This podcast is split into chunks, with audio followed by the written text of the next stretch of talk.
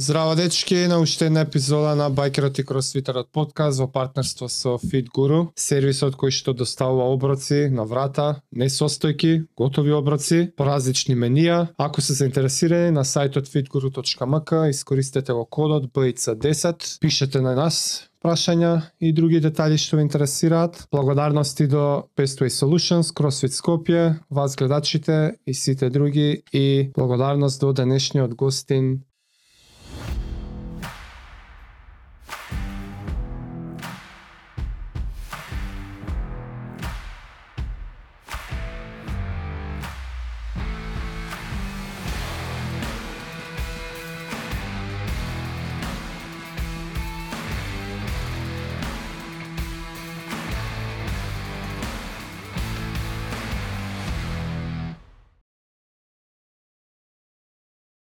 Симон Пейн LTD.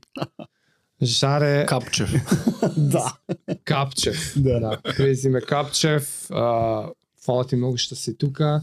Вие се знаете одамна со Жаре, така да Жаре ти малце воведи го гостинот. Кој е Симон е мојот тату артист. Те немам изварано да знаеш уште. Све што е на мене од него до задниот прва до последна точка. Ме знаеш од дете кога бев ја, вика, трета средно колка. Разговаравме пред. Ти жаре. Викам, ја имам една слика какво дете, баскет играш. 17 Фичо. години, дале. И уште имаме- Кошаркарот ме викаше пора. Да, И уште имам онаа фотографија кој сте искочени со као се вика со бучици на кеј, со тонизен. Ле. Уште ја имам да. Бели мајци со шортс као у, у Ама таму, ама не, не, не, таму сум постар, бе, 2012 е таа 2013, ова 2007 ја бев кај тебе прв. средно имаш Трета, средно, направено. 17 години не бев ни полнолетен. Не знам дали го знаел тоа тогаш. А не смеш?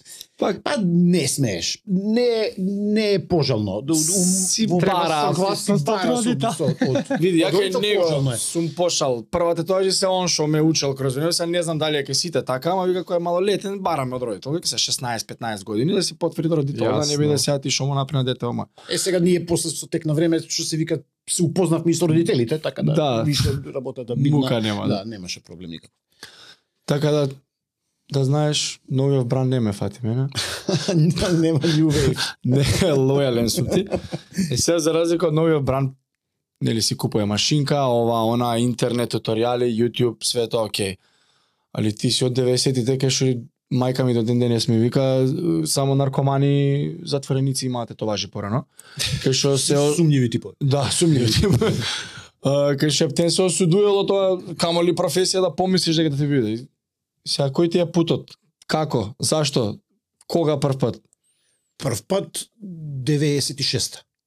Мислам ја бев залюбеник во артот од предходно. Ти уметничко учеше, така? Памтам добро? Не. Немаш средно уметничко? Не, нема. Јас сум абсолвент на историја на уметност на факултет. А на а иначе, факултет, а е, па иначе со цртање графити од основна школа.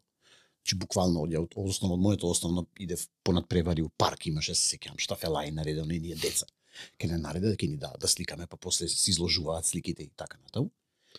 И Значи, јас бев, да, ред, редовно од, од моето основна школа бев бев представник, присутен, како и да е. На, на тие такви ивенти, залюбеник сум во уметност од дете. Тоа тетовирањето дојде Е тоа како со иглите тргна? тетовирањето дојде случајно. Е, Тоа у тој период ни од ни од блиску не е како што е денеска, тоа е прво. Е, па знам. Значи, е, не не знам, 30 тату шопа у Скопје, социјални мрежи, со еден допир на телефонот или на компјутерот или на интернетот имаш информација која ти е буквално на дланка и така натаму. Е, Ништо такво немаше тогаш. И за да дојдеш до ајде ве така да го ќе го ќе го крстиме до артот, требаше да имаш некој Сериозен требаше да ресерч се или да, требаше да направиш сериозен ресерч, кој како работи, нем, нема нема класично портфолио. Значи јас тек дури кога почнав 2001 година се работеше на портфолио као идеш сликаш па вадиш фотографии. Оние Дуќан што ти се Да. Еден, два регистратора Еден, два, полни, девет, полни да. да, да, полни со фотографии, знаеш, различни Што си тетовирал, што е твојата работа? Што како, па ни од блиску повторно ќе кажам како ова денеска. Е, имаш едно мало апаратче идиотче кое е фокусирало, не фокусирало, си направил нека супер тетоважа, тие 15 Слика слики лош си искаш. ги носиш у, не знам, у фотостудио да ти ги развијат, ти ги враќаат сите 15, сите 15 матни. Знаеш, го, тој момент и така натаму. Поентата ми е дека пристапноста не беше ни, ни од блиску, е, као што е денеска. И сега, ми се погоди да сум у такво мало, каде што имав тату артист, кој се занимаваше со, со, со тетовирање. Овој што ти е у студио никад не запамтив како се вика високиот големиот у Пепи од Куманово. А првиот, кај што јас Добро. бев чирак и така натаму каде што почнав да да се упознавам малце подетаљно со со занаетот, беше Виктор Шварцов, Шварц. И како е да си чирак у 90-та, како тргнува путот? Види, реално реден, да, да, Прави игли. чиракот цртај чиракот тогаш и сега се разликуваат па е само може би е глуп збор драстично, ама се разликуваат.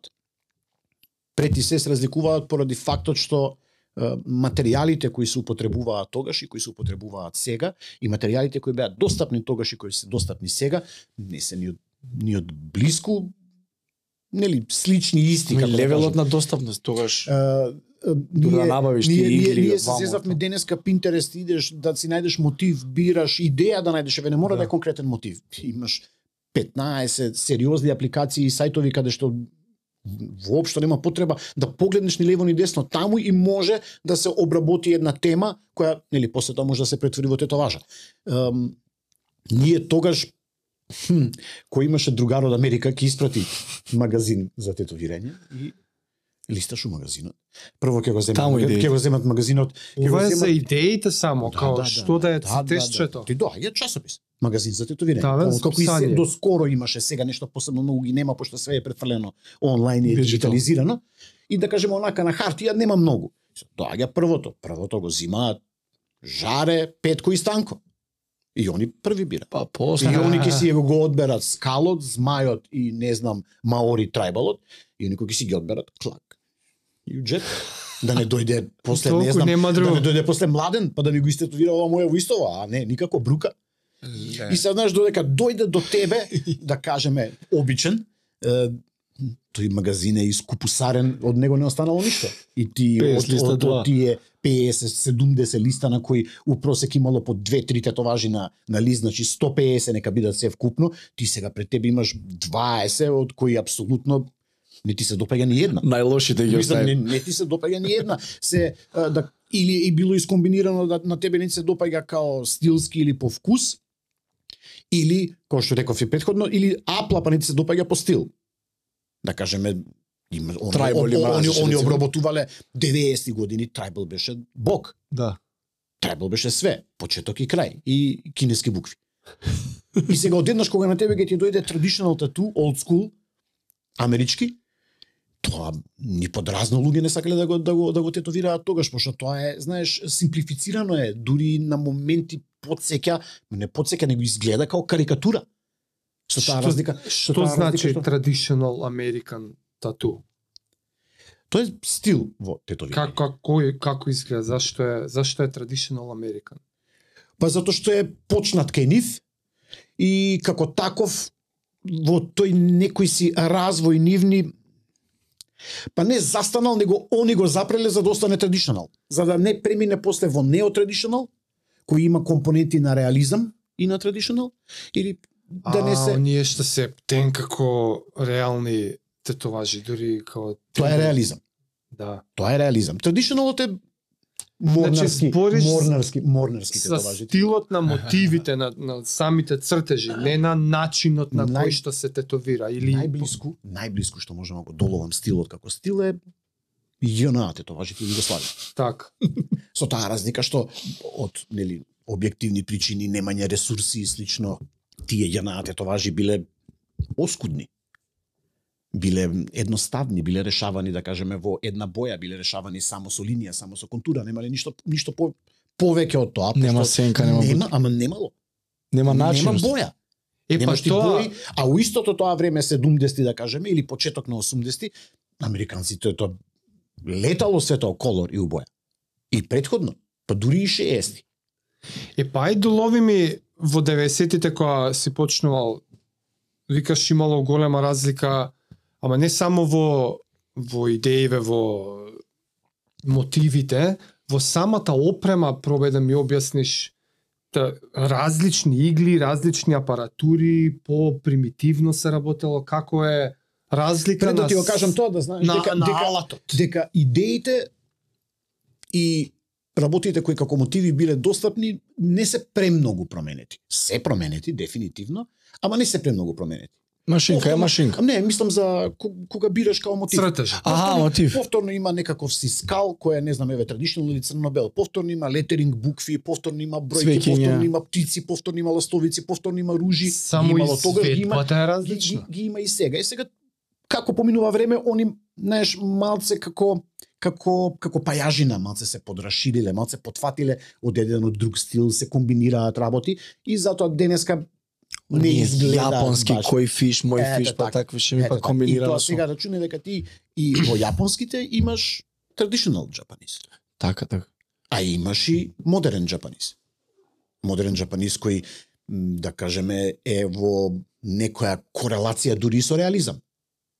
Трансфери премини на бои, преливи од една во друга боја и така натаму. А traditionalот е, е, е многу е, суров. Таму кај што е црвена боја, е црвена и крај. Simple. Нема таму трансфери, па се црвена, па ние пинк, па тука, не знам ова, па магента, па бел сјај. Нема такво нешто. Поради она преска што го кажавме првото, ограниченост у ресурси, ограниченост у алат со кој што се Е, работи, тоа. ограниченост па дури и во експертиза. Значи тие тату артисти што работели тие тату артисти денеска што работат, Тоа све. тоа е ден и ноќ, колку, колку е тоа, колку е тоа различно, колку се овие, да кажеме, па ајде нека биде глупе зборот, ама поспремни. Самиот развој на технологијата на самиот алат има возможено да се прават се по-софистицирани тетоважи. Така го Апсолутно. сваќам ја. Да. Е сега пробај да ми ја доловиш таа еволуција на самиот алат. И замисли си дека разговараш со друг тату артист кој што ќе те разбере Така. тој тип на игла, овоа тип на боја, знаеш, такви ствари, па ја ќе пробам да Колку ми избореше дека Ама си учел да игли да правиш прво. Во ако немало во Бугарија? 1851, ако не се лажам, не ме фаќате за збор, 90% сум сигурен, е патентот на првата тату машинка. 1800. 51. Чарлс Чарлс Орайли. Орайли е презимето сигурно. Дали беше Чарлс името повторно, али Патент за машинка. Да, да има. Онаков со со како се викаве со техничко цртање, да знаеш, решо со бројки, Така, со така. математика, со чуда све. Као што треба. прв пат е автоматизирано ли? Буквално број на патент има. Тој се уште го има. Значи тоа Не, оно, Тоа, оно е тоа. оригиналниот. Не, не, да не, не, не, нема да отидеме таму, зашто ние са, тој дел, ќе може да му се навратиме, ќе му се навратиме, тој дел што е рачниот го прескочивме пошто го потфативме одма овој да кажеме па нека биде модерен. Не е толку модерен, ама нека биде да. тех по-технолошки напреден отколку тој Со е, алат, Полинезија, Тихи океан, таму Така, така и отиде у историја. Така вајда отиде 3000 години. Четири и пол. Да, од кога се Айсмен тетовираат. Во италијан во италијанските Да. Алпи. Како беше некаде околу 40 на тетоважи има на него, мумијата. И тие машинка, коски од животни, заби од животни, се оштрат. Тоа е тоа. Што може да што може да ти се најде, нели, како алат да можеш да го употребиш? Нешто Тоа- оштро. Тоа, да. тоа Пред да тоа- се тоа- вратиме тоа тоа го тоа го употребуваш. Да, во секој случај, значи е, дефинитивно влијае технолошкиот напредок. Апсолутно. и за од патентов како идат, што е машинката, како што објасни ми. Првата машинка е еве пошто ми рече да разговарам како да разговарам Е, со друг тату да. е ротациона. Добро. Е, ротациона во превод значи дека има моторче кој има лост на моторчето и како врти моторчето, лостот нели врти и оди нагоре надоле. Една игла нагоре надоле. Тогаш една. Така, Зависи од потребите. Да, од потребите, нели ќе го разглобиме и тоа, понатаму како се е, зголемуваат не знам, апетитите, желбите, површината која сака да се исполни, автоматски веќе и иглите како такви, како дел од алатот, доживуваат па и еволуција некаква. Револуција и еволуција, пошто од тоа што се работело со една игла или со три, после тоа веќе се доаѓа до групирање на повеќе различни видови на игли кои овозможуваат една работа која претходно се вршела со сати, ако не со денови, сега да, Да се, речеме да, да се боење. врши во, во, во една сесија, во едно седнување. И така натаму. Значи, првата Така. машина е ротационна. од кои причини после тоа се префрли индустријата и да кажеме масовна продукција почна на тату машинки кои се машинки со калеми, принципот на калем е да го упростам тоа звонче. Мгм. Го притискаш звончето и оно тр, удира, така? Принципот е тој. Значи имаш два калема, магнет во средина и 8, 10 или 12 намотки. Од згоре има еден чекан и тоа е затворено струјно коло. Ти кога ќе ја притиснеш папучата доле, се по- потекува струја у калемите, ќе го намагнетизира како та, се та, вика та, та. калемот и магнетот ќе го повлече чеканот надоле и го отвара колото. Ме разбираш? А, Како он го отвара колото, така ова си се враќа назад. Да, и, и- све тоа дрр, Да, не, да, тој да. удар тоа е 10, 20, 30, 40 пати во секунда. во секунда. Во секунда. Си видел успорен снимак? Како Како- влагаат иглината како- тоа? Да, и са тоа е нели поштено брзо, тоа не е играчка, не е заебанци. Да. Од која причина они од патентот на Орайли се тргна и отидоа на на калемите, искрено на вистина не ми е познато, пошто тоа е, како испадна сега ситуацијата во поново време, фактички бил чекор назад. Пошто А, сега се што се прави е ротационо. Аха. Ама буквално све што се прави сега е ротационо. Сега е old school, fancy, е, скапо и онака, знаеш, она, како сега у поново време слушаш плочи. А, да. Порано, пред Да, 25 години, по-автентично, ќе ги, да. ќе ги испофали Да, сите, да, пошто да. си купил дискови или не Да, знам што. и сега Па ќе ги откачиш и дисковите, пошто си земал имаш на USB-то 300 MP3 гига музика, нема крај, не можеш да го изслушаш у Да, два да. живота. И сега повторно ова се Сега и плочи, ние да. седиме. И sad до тој момент дојде и со машините. Така се уште има овие мајстори кои изработуваат тату машинки, кои изработуваат рачно тату машинки. Значи нема ништо машинско, мислам машинско, секако дека има, ама не е, фабричка лента. Него секоја машинка седнува и изработува за тебе е таа, он со две раце и ја прави таа машина. А мајстор ја прави машинката? Да. А, до така мислиш кастам Да, рачно праено. И тоа е еден од на нашите простори тука, еве и да го спомнам, од подобрите е Огнен, Огнен Попович, така? Така беше, да, од Бања Лука. Значи тоа не е Значи, нешто што можеш сериозни да, машинки. да, да отидеш у продавница си купиш, треба го нарачаш човек да ти ја направи. Тогаш. Тоа, ти Е, е. сега, нели, поради тоа што е. Кај има сега продавница така? Или Ма нема ке нас. А иначе Унимакс во Нью Йорк у Чајнатаун. Ствари На два шо кој спрата што има продавница. продавница тегови да купиш Си влегуваш добар ден, добар ден. Игли, Од бои, игли, салфети, вазелини, чуда, све машинки, адаптери, све што ти Тату треба. адаптет. Све што ти сега у 90-тите почињаш ти како како почна од каде набавка материјали, од каде набавка машинчиња. Сам си ги прави или? Вака? Не, ист, истиот муабет е као со магазините. За жал. Кога ќе дојде некој, Некој Од- кој што ќе донесе од страна. што, што би рекле overseas, кога ќе дојде, Значи и ќе така. носи, ќе носи евентуално ако нешто има тука у близина, да кажеме Грција, можда на нашиве простори бугарите први почнаа со такви работи и така натаму, можеш така да си набавиш. Иначе па да кажеме Југославија, не, ни подразно. Кој ќе отиде до Италија, у IMAX па ќе си купи. Иначе И сега ти Нема- си чирак у 90-тите, како почињаш? Која у која верзија на оваа еволуција на алативе? во ниедна. Чирак. Спремаш стейшн, бришеш, чистиш Добра, ама што што гледаш? Оловка и лист и црташ. Тоа Кога немаш тоа- работа. Тоа, тоа е вториот чек. Да кажеме, првиот е спремаш, ќе спремаш игли, ќе чистиш, ќе ги чистиш употребените инструменти за да се стават во стерилизатор.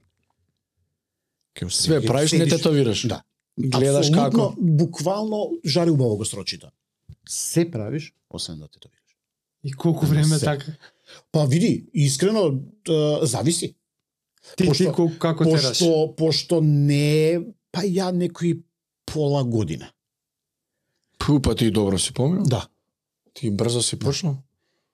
И пошто пројавував константно интерес дека сакам, дека сакам, дека сакам да пробам. И Да, така да, правда. да, да. И прв пат на себе пробав, затоа што нели, ти си ти почетник кој ќе седне. Никој. Која ти е на себе на бут? Не, доле црното сонце што го имав на на зглоб. Така на странично. Дигната ногата као на кафе.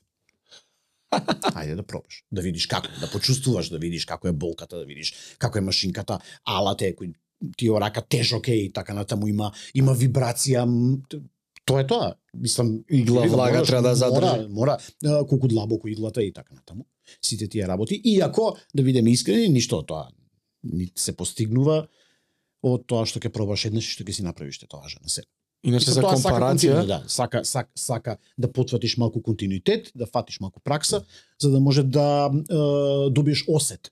Аха. за тоа, нели, како треба да се движи раката, колку е брзо, како е наштелувана машината, техничкиот дел кој е поготово, нели, кој ги споредиме сега тие, тој алат и овој денеска, се многу различни. Ем, машинката, калемите, ја што се зезам чекорот назад, по мене барем, ем, се, се алат кој сака да, да познаваш малку машинство. Мгм. Значи, они имаат делови кои се потрошни, имаат лимчиња челични кои на кои има е, А. контакт, на тој контакт е, фрла искра машинката и знаеш со тек на време нели искра. Одржавање си ба, сервис машина. да го разбереш тој- алатот. Седне е, чуден звук ти дава, имбус клучот, ќе одштрафиш, ќе наштелуваш, ќе ставиш во адаптер, полека и сите тие такви работи. И знаеш за за тие машини се бараше и беше пожелно да имаш некакво техничко познавање. Не мора ти да имаш општо техничко познавање, имаш техничко познавање од конкретниот алат со кој што работиш. За разлика од нив, денеска е ден и ноќ различно. Денеска ти се продаваат ротациони машини кои се комплетно затворени системи. Нема ништо. Немаш ништо ти не гледаш. Тебе ти доаѓа пеновите сега, буквално да земеме било каде сега од кај имате, имаш пенкало да земе маркер, оној дебел, знаеш за Е. деца во графити што прават, што пишуваат. Е така изгледа машинка. Комплетно затворено. Нема што ти да штелуваш да. Каква машинка сакаш таква, таква порачуваш таква ти. Знаеш да црташ до тука бе. крај. Крај. Е сега види тоа од од една страна може да биде нели тоа е и и предност и недостаток. Мислам дека е недостаток пошто пожелно е да нели да бараташ различни типови на алат. И основите да ги знаеш. Машинство малку. Тоа тоа Сигурно тоа тоа си отиде има тоа некој отиде тоа бенефит. отиде тоа отиде во историја. Тоа више таква таква Сега ќе си да, купи нова машина. Да, да, таква желба Аха. не, не постои. тоа. Нема никој нема нема желба да познава машинство и да го познава алатот до тој аспект. Да ја да шкртам и чао. Не, се да тетовирам и тоа Знам да тоа. цртам. И се затворен систем добиваш. Затворен систем кој да кажеме ти преферираш, не знам, пократок, подолг удар, не знам, 3,5, 4, 4,2 мм и така натаму, таква си ја порачуваш машинката, таква ти испорачуваат и ти со нејзе си работиш. Утре кога било што на таа машинка ќе се случи, негативниот дел е тоа што буквално Ѓубре. тоа е тоа. И да кажеме, дали треба да земеш нова или ќе имаш нова или ако си веќе етаблиран артист, ќе имаш 2, 3, 5, 6 Си да, такви па ще дава, да. па ако нешто не де Боже може да. А за разлика од нив, ке овие, знаеш, поедноставен принцип на изработка, поедноставен стил, нацрт и истиот тој е исто така едноставен и понатаму за одржување. Ја се зезам два имбус клуча различни, расклапаш, чистиш, склапаш, штелуваш и повторно работи он.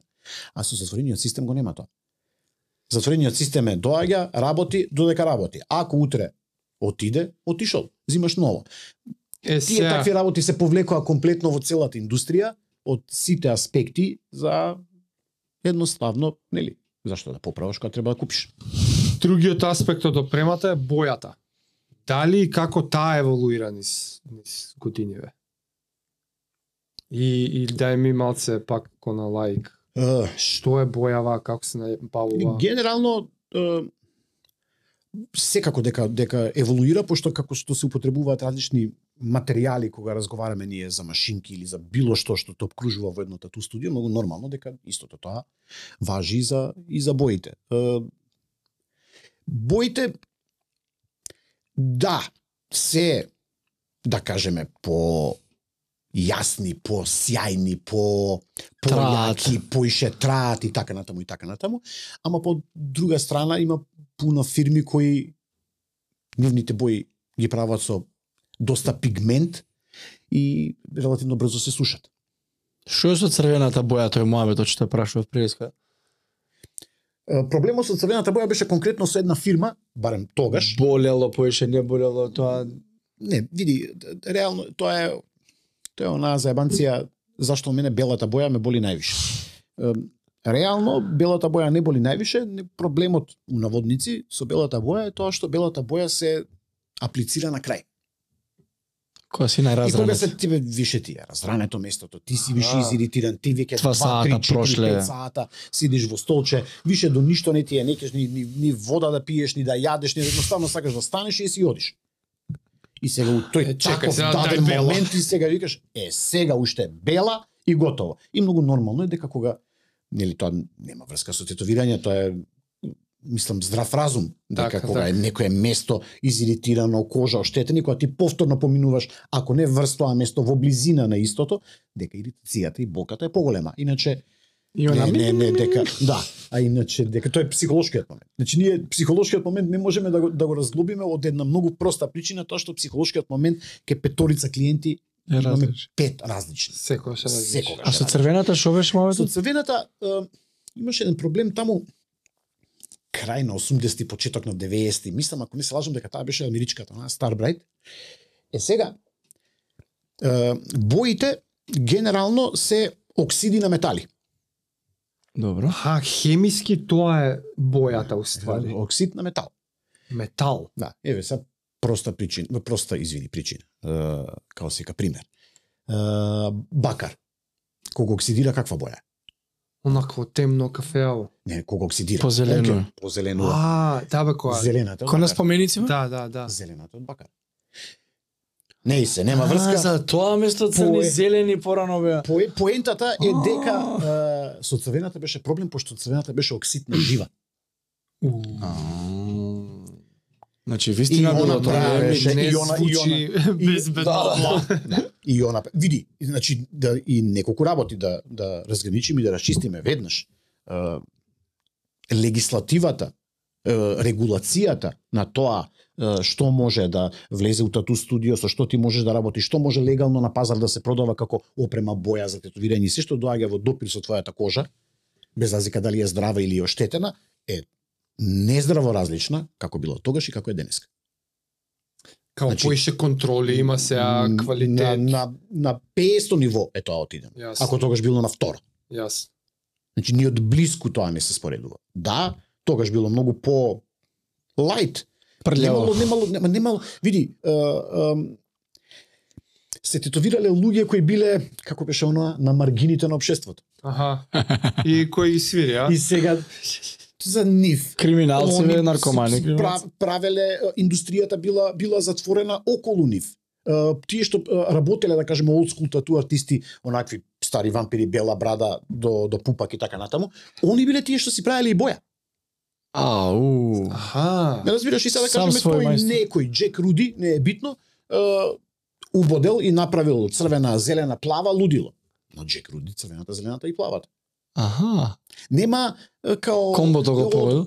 одиме ние сега да се уклучуваме на интернет и имаме 15 фирми кои работат, ќе идеме на Eternal, на Intense, на Fusion, не е битно на Dermaglo и за која ни одговара од овие фирми и која боја, ние таму ќе си порачаме. Нема такво нешто. Значи тој круг бил затворен. Проблемот беше со со црвената. Германците одма ги скина Starbright и имаше еден убав здрав период од некој можеби па можеби десетина години кога фирмата конкретно таа мичка не ни можеше да ја купиш во Германија.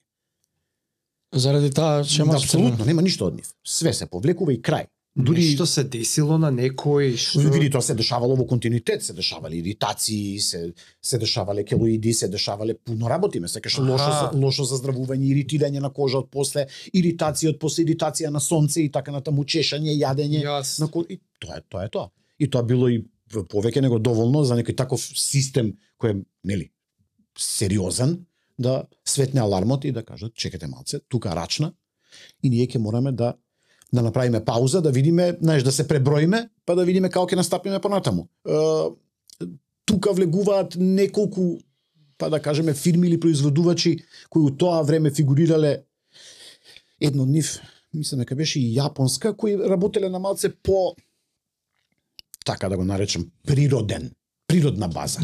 Mm. Денеска е модерна, органска. Ама сега тука имаме друг проблем. А, а, органската база на бојата, тоа е исто како кога се работи трајна шминка, веги, уста и така натаму. Зашто се повторуваат? Пошто они се органски и твоето тело ги абсорбира. А, И и она бледе. И за да- тој момент да таков на појачи. тетоважа не, не ти оди во прилог, пошто ти сега седнеш и на некој ќе му направиш цел грб, двете нози и два ракави и он ќе ти се врати за 5-6 години и ќе каже кај е црвената. ајде поново. А тие муабети се за порано, ние на 15 години треба да повторуваш Не тоа што тоа не постои. И сега да го да го срочам ова, да го упростам колку можам, се случува следново. Фала Богу, нели све може да се направи да е чисто и да е безбедно. Све. Дали е тоа храна, дали е пијалак, дали е што сакаш, све може да се направи да е чисто и безбедно, со таа разлика што ќе треба малце поише да се инвестира. Малце поскапо само. Да, и нели и нели финалниот продукт како таков најверојатно ќе биде малце поскап. Јас. И сега тоа у тој момент не му одговара на никого. Овие, пошто се джукели, кај они ке ќе го ќе го изработат тој техничкиот момент каде они ќе направат да кажеме испитување за тоа што чини што не чини се тату артисти. Да. И тука приказната завршува. Немало голема фирма, фирми кои го работеле тоа и после тоа влегуваат и малце по сериозни фирми. Кај Све се сведува на се прави во нели, нормално, у лабораторија, во контролирани услови, многу нормално дека денешната црвена не ти прави никаков проблем. Ама поскапа не од таа тогаш. И сега 26 години рековме кариера. 25, 22. 22 Дуќан. Дуќан. Добра е. Од прва направена тетоважа е 96 ми е 26. првата тетоважа. 2001 ми е Дуќан. Си водиш некоја груба евиденција на вкупно направени тетоважи? Илјадници или колку се? Па сигурно се илјадници. Смртно залюбено мојата работа, тие такви бирократски моменти кои што каде како не ме интересира. Дали ја памтиш првата на клиент што ја имаш апсолутно. И раскажи ми го тоа искуство. Сигурно ти било Да, многу различно таа првата и вчера некоја 100.000 што ти ја с- вака сега колку е добро ова е сега политички некоректно денеска поготово овие времења вака Зашто, бе, што? функционираме. Е, денеска да кажеме децава тренираат на вештачка кожа, порано се се тетовирала на да свинска кажам. кожа, на ово, оно и така натаму, кога немало вештачка. Сега вештачка кожа ти се продава На во- Алиекспрес. на Алиекспрес или во тату фирми ве прават буквално А4 формат. Ако си сега чирак, Чирак така ќе ти вежбаш. А4 формат. Да, како на лист ти машинка си ја тетовираш машинка. вештачка. Ја Ти имав нешто чуено на залепиш индигото, значи стенсилот, свинска кожа е малце по Свинска е по олдскул малце или по олдскул. Па да, брат, свиња.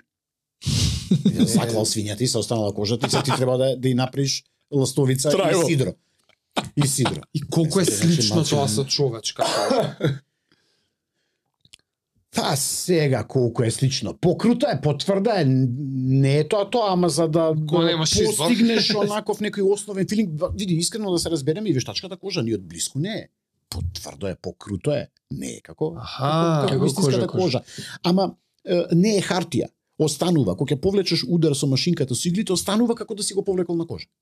Јас. Значи без разлика што она може би не е толку, тренинг метод. не е толку user friendly за да можеш нели лабаво да си работиш на неа, ама барем кога ќе направиш нешто што и- што и да е тоа, кога ќе го направиш, од прилике некако му доаѓа како да си го направил на како да си го направил на кожа. И затоа е нели позитивно. ама ти кога си потреба- почнувал, Нема потреба на сега човечка. јас ли е колку и да не е сега фино ова или коректно ја да го признаам, ние тетовиравме лица од маргините на општеството. Па тоа сега да кажам. И сега лицата, првата, лицата, првата ти е лицата на себе. лицата, да, првата ми е лица Првата од на маргините на себе. општеството. Е, ама за првиот Ауткаст на англиски да го да, да го наречам ми, ми е првата и сега јас Ама е, како било? Он дошол, не ни знаел дека тебе ти е прв пат или не, ти имаш не, некој другар? Немаше, немаше ништо скриено, све беше тој принцип на, тој принцип, Друже, дојте, молам. на работа го, го држам и ден денеска, јас со него се сесам, сите карти се на маса, све е отворено. Ја Значи, раскажи ми го првото и сега искуство. Доаѓа дечко полусреден и он имаше нека лоша тетоважа на, на рамо и сакаше да ја покрие. Да ја покрие. Да. И у тој даде момент Виктор вика, еве нема проблем, ништо нема да платиш, ама ќе ти истетовира дечко. А, Вика апсолутно нема проблем. За без пари. Пошто кога ќе видиш, знаеш, сите тие луѓе кои беа дел од тој круг и така натаму, какви тетоважи имаа на себе, тоа беше страшно, Криминал. значи денеска во затвор поубаво се, се работи. Ста- баш буквално криминал. И сега е, они беа срекни се дека ќе се изработи било што дури полупрофесионално, само да не е тоа што веќе го Да личи на Да, нешто. да личи на личи на нешто, нешто, нешто, нешто јас. шинка е игла е таа црната боја, повлекуваш контура, линија таа е линијата црна. И тоа беше на црвено ружиче, моја прва тетоважа. Криво ми е само што од овој аспект не го немаше моментот сликај, прај, ова А, денеска не се е слика, денеска, документирано. денеска немаш една едни њоки да седеш ако не ги фотографираш 12 пати. Нели? Како од, од сите од сите агли па свето ќе ти сметна, па ова па чеке микрофонот е далеку па о и така на. како тату артист искусен, кога би требало да се себе критикуваш тој првиот пат. Што што е, што би си рекол ш- е, као добро си ја направил, не си ја направил, ш- како што совет би си дал на себе си пред 20 години прв пат кога си ја направил? Не можеш така, искрено. Не иде Пошто- така? А, Знаеш зашто не можеш така? Пошто тоа ти е као да не знам да седнеме сега и да викнеме некој русин што на олимпијада на карики и да го прашаме ти прв пат кога се дигна на вратило и ке не гледа како теле, така, пошто прв пат кога се дигнал на вратило, Не можел стенкал да- не можел да го, го гледал само вратилото од доле. Е, а, па, де, значи, а денеска со има една рака се држи нова. Секако дека има разлика. Значи да се разбереме. Ама природ, природен Е, сега, е, Тоа е патот. види. најверојатно пуно од работите а што тогаш конкретно у, у, у тој проект сум ги направил, ја денеска од овој аспект може би би ги променил. Јасно. Може Ама тоа си Не е би нацртал денес истата ружа, па не знам што да се Да, ама тоа деси. беше едно, едно, едно, едно мало дизајнче кое и, и да сакаш не можеше да Нешто не комплексно можеше да нешто, не знам колку да се отвориш. Така. Тоа е тоа. Мала слика, нешто поголема од 5 денарка ме сегаш и тоа е тоа. Нема и денеска да ти дојде таков дизајн, ќе седнеш и фино, елегантно на клиентот, на дечкото, на девојчето, не е битно, кај слушај, ова е мало, тука не можеме многу да претераме со детали, ќе биде, нели, просто симплифицирано, тоа е тоа што е многу битно да се гледа. А иначе дефинитивно да, најверојатно другачие би изработил денеска, ама тоа е тоа, тоа е нели, цената на патот на на напредокот да напреднеш на прогресот личен како артист и така натаму. Тоа е тоа. Шо е со со оној момент на нели New Wave ги збориме цело време на тату артисти. Доаѓа некој популарен рецимо тип и се слушам наразни приказни од други студија, не е битно каде, а, дошол не знам тој тој го станале него зашо на сред цртање дека овако. Шо е ја кај тебе знам и ова што го кажа ти се Волкава е при местово е Волкава, не може да работи многу. Но ти стално искрено си кажеш и например ја имам ќе ме праша сега некој ти што си ме научил, мене може да пренесам. Слушај местото ти е мало, не чини тоа он. А видам ли кај си има, да, бе како се деси ова како Кам види, вама ако ти идеш, ако си у три саба, у три наручек у среда, у три наручек у среда ќе се тетовираш, ако се појавиш. Тоа е тоа. Што е со оној момент на дали е недоволна едукација, дали се бараат пари, се лакомат, не знам, е, напред ми го овој, напред ти ќе ми кажеш стално, е, брат, не на тоа место тоа, утре ќе сакаш ова, ќе сакаш оно, знаеш, искусен си пред време, знаеш, можеш да процениш. Сега, фала Богу, ја можам више да знам и стално се те слушам и нели се се координирам со тебе. Сега дали ги боли овакво и ме боли такво, тоа сакаш, тоа ќе ти направам, дај парите и чао. Да, грубо кажано. Држи ли може- вода ова што те Види, прашувам дали секако види секако дека држи вода. Али е моја некоја проценка што од мојот. чудесно е колку работи од ова сега ти што го искоментира се учат кој си чирак. Само да гледаш. Чудесно и да слушаш. Најбитно. Најбитното. Како не е само да гледаш, пошто ако ти си ставиш слушалици на уши и си слушаш металика и си цепаш они што зборуваат комуникацијата, како артистот постапува, настапува, како е поставен спрема, нели, моменталниот клиент и така натаму. Чуда се учат.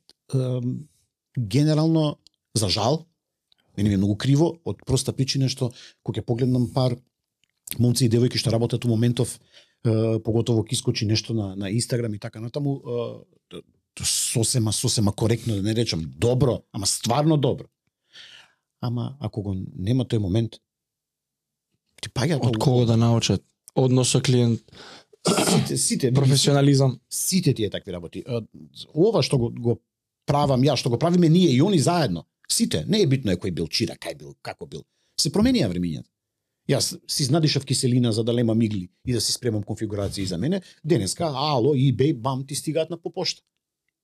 Никој денеска нема да седи дома со летко ми да леми игли. Никој нема да седи денеска дома да со два имбус клуча да штелува како се вика Машинка. аналогна машинка на калеми. Никој. Буквално никој. Ќе си добие готов продукт и пријатно. Или сега, поново што е со припремата со стенсил преска, што заборев да кажам за мене беше хит доаѓа. Доаѓа, жаре, треба, залепиш, треба, да? треба да седне да истетовира змај и мене Виктор ми вика направи го индигот. Па, ти си главен фраер там. Ај објаснете ми зашто зборите. Стенсилот за да го залепиш на кожа, кој ти е гајденс води. Шаб, а шаблон. Како на пример Шаблон. овој се имаше шаблон и го одлепува и како мастил и само по тоа си се води. Не е на да го не е прави на, фрихен, не, не е фрихен. на Мала пауза ќе направиме, имаме некоја камерче да се провери. Што зборевме пред тоа? Стенсил. А, што е за тоа како се мисли колку е битно да биде чирак за да не ги И ова е нешто ново и, и да не ги прескака. немало стенсили порано или? Имаше индиго. Индиго Мораше да го црта да го прецртуваш, мислам. Индиго. Дечко индигото индиго ти доаѓа некој од А ова не го црташ, ова е испринтано. Ставаш се, искача така е тоа се прво. Сега јас имам. Истото тоа што индигото. О, тетовирачкото. сега Значи тетовирачкото индиго што ти е на хартија стаено. Ја сад така го беше Виктор му сватив. донел некој од Америка и му донел две. И он го истетовирал пола град со тие две. Тие направени пепел, немаат ќоше индиго више каде имаат, за да може. И истата таа сега, многу нормално ако преска што направивме му. Пари бе дечко. Тоа е профит, тоа е плюс ке продадеш. Ама не го црташ инџет. ти на индиго. Да, инџет. Као се вика принтер. Јас сега тоа што е од индигото си го купувам у шише. У инџетот, клак. Седам, А порано си го цртал. Ја и сега цртам. Порано дојди сега. Јас преска пред да доам тука цртав за утре два дизајна што треба да ги работам. Само што јас кога ќе треба сега да го спремам стенсил, Сега ќе си ги ќе- пуштам на принтер и он ќе ми ги извади Така, а одма. порано на самото индиго мораш да го нацрташ. Пешно. Е, ја така го разбрав. рачно. Е, А сега новово узмам- е сега уствари дека можеш да си го испринташ. И сега јас утре имам едно One click локаво шкорче, буквално шкорче. И унакво угаснато, со црна глава. Као И за тоа, да, и за тоа ми е гајле, Чеге за змајот? ништо... со секоја крлушка. Или лавов. буквите, геометријата. Има пуно работи. Стварно што беше последно вакво бе со стенсилсот? Ништо не беше без со стенсилот, ние правевме муабет за тоа како дека се работи рачно, дека јас сум бил, дека ми било хит кога ќе го изработам, кога ќе ми даде да, Тереј се, да, да изработам А бе стенсил. главен чирак, да. И Хит. Ја треба да го изработам. Жаре Батич дошол да тетовира на пола грб змај, ја го правам стенсил. А предходно секој ден джогираш. апгрейд мал. Значи тоа е ед, едно, една, Една скала, скала плюс. плюси, да, Значи, да, да, и кога, патот. не знам, артистот ги изработил после тетоважот и вика, браво, свака част, погодено око, чуда, заби, секоја крлушка, супер, тоа автоматски значи дека секој следен стенсил е твој Така. и ти више си горе на втората скала. Да, ќе ја чепкаш и првата, ама веќе си на втората. Ке Ти чистиш, ама и ке... Ќе седнеш и ќе ги спремиш иглите и ќе ги чистиш глиповите за после да се да се спремат за остелизатор. Секој случај. Ама работиш и стенсил. Кога ќе седнеш и кога ќе го изработиш стенсилот и кога ќе дојде после на на на Батич девојка му да седне да изработи една мала кинеска буква, оп, мала кинеска буква. Не е комплицирано, не се прави линиите. Сакаш ли ти девојче, тебе овој господин за 50% Поевтино. попуст да ти изработи тетоважот. И да кажеме принцип било и една ствар која која многу ја почитувам, тоа што да кажеме у таква ситуација тебе те пуштале да изработиш некој дизајн кој да бидеме реални ако нели се случи било каква грешка од било кој вид, не е комплицирано да се коригира. Што значи грешка во тетовирање? Ух, ќе ти требуше една емисија. Значи било која линија и која требала не знам да биде паралелна и она почнале тие две линии како паралелни, ама да кажеме некаде по таа дужина едната се изместила и не се више паралелни, се коригира таа што е изместената и тоа усредини онака ќе го обоиш, пошто е буква, и тој дел не се гледа. Како на црт? Може да се здевели. си Да, коригираш, ама- црташ. Само на дојде- кожа. а, Да, ама ако дојде некој кожа. седник и ти каже јас сакам да ми направиш една звезда петокрака која е само линија, Нема грешка, нема простор за утка. Нема бој. Таму нема боење. Една Дека нема линија права. боење, дека линијата. Мислиш, една линија. Stakes are higher на кожа, него нацрташ. Не е рамно, цилиндар. Дали негде во процесот на спремање на учење во стари времења или денес, а не знам ова со New Во Wave, стари времења. па дека New Wave од прескане што зборите New Wave, ама јас замислувам дека ова бара и одредени познавања на, на анатомија, знаеш, како се растегнува кожата ако го истетовирам вака, а после ја исправам раката вака, ќе смени форма цртежот. Као што реков преска, гледаш, Така. ама и слушаш. Значи во некој процес од стекнување на оваа вештина ти мора да учиш анатомија на тело. Да. И тоа е онака од, од чиракување. Да, да. Седиш, гледаш, слушаш. Да, да, еден дел од дерматовенерологијата што се изучува на медицински факултет ќе ти помине низ раце. Еден дел, мал, А, ама сепак ќе ти помине. Пошто тој ти е медиумот на кој што работиш. Абе ти се повторуваат работите. збориме и за онакви медицински детали као слоеви на кожата, па што треба да имаш на ум, такви ствари, као колку длабоко Првите два бодеш. слоја ги пробива и се врзува со подкожното ткиво. И на тоа треба ствари да внимаваш. Тоа е се англискиот зборот, ама common sense. Тоа е тоа. Тако ќе отвориш сега по, по ново време, кога ќе видиш, кога ќе извади некој книга со основи со и така натаму, како да почнеш и тоа, некој туторијал у тој фазон. Тоа е на првите три страни. Да. Нема, нема, не постои без тоа. Ама, дали тоа што го спомна преска како пример, тој дизајн што си го одбрал на некое специфично место ќе трпи или нема да трпи деформација, тоа уредку која книга го има. А и тука Тоа треба искуство, тату артистот да ти го каже тоа. Мене Тоа сто пати ми кажал. Тоа, тоа ќе ти го каже тату артистот, а Ако ти момакот или девојката што учат, треба да го научат тоа од тату артистот. Дај ми практичен пример, ти си имал некој таков пример? тоа, тоа тату артистот ќе си од таа причина да кажеме 20 и кусур години не тетовирам бар кодови. Е, Ќе се спои. Си доаѓаш ти треба да изработам јас во 6-7 сантиметри 15 линии паралелни која тенка, која дебела. Кожа е. Таа не стои во место. Се на што е фитата? Нема да да искочи... се шири Да се бојата. шири, да се разбереме се оваа линија не беше толку дебела. Аха. Значи ние работиме, се ние работиме на жив медиум. И тој жив медиум дише, се движи, старееме. Губи од колаген, од квалитет, од еластичност и слично. Тоа Ако е си тоа. здебелил си Тоа ослабил. е тоа. Ке качиш Кожа. пет, ке качиш пет, ке симнеш седум, тоа е тоа. Па поготово на на да кажеме ризична критична регија, торзо. Ај ние за подлакници нема да разговараме, пошто колку сакаш ти качиш, што ќе се Да, случи да, со да. подлакницата. Или дланката. Што ќе ти се случи со листот? Ништо. Да, да, Ама да. кога дојдеш кога тоа ќе треба да се изработи на стомак, на ребра, на бутови, на гради. Одеднаш е Грб. И што, ти си имал некој фикс горниот дел од грбот, не, али све испод лопатки, Спойлерите. испод лопатки. Да, бе, стварно, дај никад не сме зборале, дај ја историјат на твоите татуажи. Кажал Историјата. средно ти е прва, На грбот ми е. Прва не ми текнува после. А, Ракава не, чепнавме до... никад нема нема нема шанси, уште три дена да седиме тука, па не можам редослед да му направам. Прва, втора, трета. па на вајда нога. си ги памти сам. На нога, па таа ширевме, па Така. е таа на нога беше ова, ќе ти биде мало, ќе сакаш да шири. Не, мерак ми на бут. Ќе ти биде мало, ќе сакаш да идеме околу. Не, и тоаш не го послушав. И ја ширевме нормално и од тогаш реков, Што ќе што и да кажеш? тоа. Колку имаш ти или не се брои тоа? Ова, Не знам, Што ова не може кој Ова е една да една. го бројам. Тоа е она, па нема, тоа, е, тоа е заебацијата прво- со бројките. Колку имаш, имам три, ако ќе ги споиш, не се четири, него па една. Да. Ништо тука на раката прво. Треба да броиме доаѓања. Јас си ги знам на ракава како беа прилика. Па беше овде, па ова девојката, па цветот, па цветот, па ги споивме. Ја мене ако ме прашува некој, ја мислам дека нема потреба од броење. Колку пати не, не, имаш отидено? Не знам. Не знам. Толку многу што од датумов не сме биле, од која не Бурма, а ова и Костурот Една задње година. у задње 5 години. И Што поише е се тетовираш, вистина е тоа дека те боли поише. Толеранцијата ти се намалува на болка за за игла.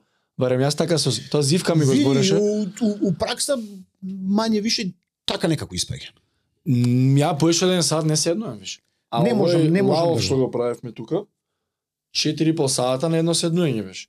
Onda го видиш после од близко детали ти пукнал Да, такво да ти отпадна точка. Има некои граници што мора да се паза така, еве 4 по сат. Јас тоа тогаш, еве ти што ми се случи, дека има. Изгубив шекер или нешто ми се случи. си за тебе валја, не можеш да седиш фокусиран толку време. Реално луѓето не се расположени генерално повеќето да се враќаат назад. Криво ми е што е тоа така, ама така е. И понекогаш од тие причини и некои моменти, односно некои проекти, некои дизајни и така натаму буквално се силуваат и после А недовршени Па остануваат? не, не довршени, него после тоа нема, нели, сме забегали, сме работеле 7 сата, сме оштетиле Аха. огромно парче на кожа кое малце што повеќе кожа оштетува, што по комплицирано, по споро оди и за здравувањето. Нели не е исто Да. кога се гребнеш и кога имаш некоја Да, посекотина да, од да. еден сантим длабока. Е, знаеш и од, од, од тие причини пожелно е големи проекти да се работат на на на повеќе седнувања Повеќе крат. по малите проекти не се страшни и нели ке секога е различна толеранцијата. Мгм. Генерално првите десетина минути се па да кажеме критични. Критични да се првиот они. Загревање бе, загревање. Поготово поготово ако ако ако немаш нели се. Тоа се првите може да ти дојде као. Абе чудно Шок, ново да е. кажем. Да, да. Значи, сега, додека се- ќе се. Додека додека се адаптира телото, додека и излачи допамин мозокот и така натаму, Да. и додека ти се, знаеш, влезеш во некој баланс и додека телото колку толку се привикне на таа болка и после тоа фаќаш едно плато. И сега тоа плато, таа рамна линија кога ти е на тебе окей, значи не е безболно, ама не е за викање, ке секога е различно. Ке некого може да, ке некого може да потрае пола сат, ке некого може да трае сат време, ке некого може да трае 2 сата, 3 сата. Мене лично ако ме прашува некој, јас сметам дека не треба да има сесии подолги од 3 сата. Аха, така. Подолги од еден ајде, сат. добро, еве, и да се придлачиме, нека бидат 4. Јасно. Ке се влечеме, ке се тегнеме. Сега 4 сата, Нека, нека нека биде. Пошто се оштетува парче кожа која е сериозно, сериозно. Значи, Абе, боли, бе, боли. Имало, имало, види, имало Боли. ситуации и седиш, ништо не ти е, ти си здрав, камен. Доаѓаш, тетовираш огромна тетоважа, вечерта дома грозница. Е, тоа ќе кажев, стално имав температура, јас после. Зошто? Како па? Инфекција малтретира, инфекција? Или само стрес. То, то, ако токаво парче на кожа, не де Боже, нека врела вода да се истори, ќе те задржат на клиника 4 дена. А не ти ова а ти ова спајање цела рака, спајање, лом, цела рака, еден квадрат кожа и он си отишол дома и другиот ден иде пие кафе.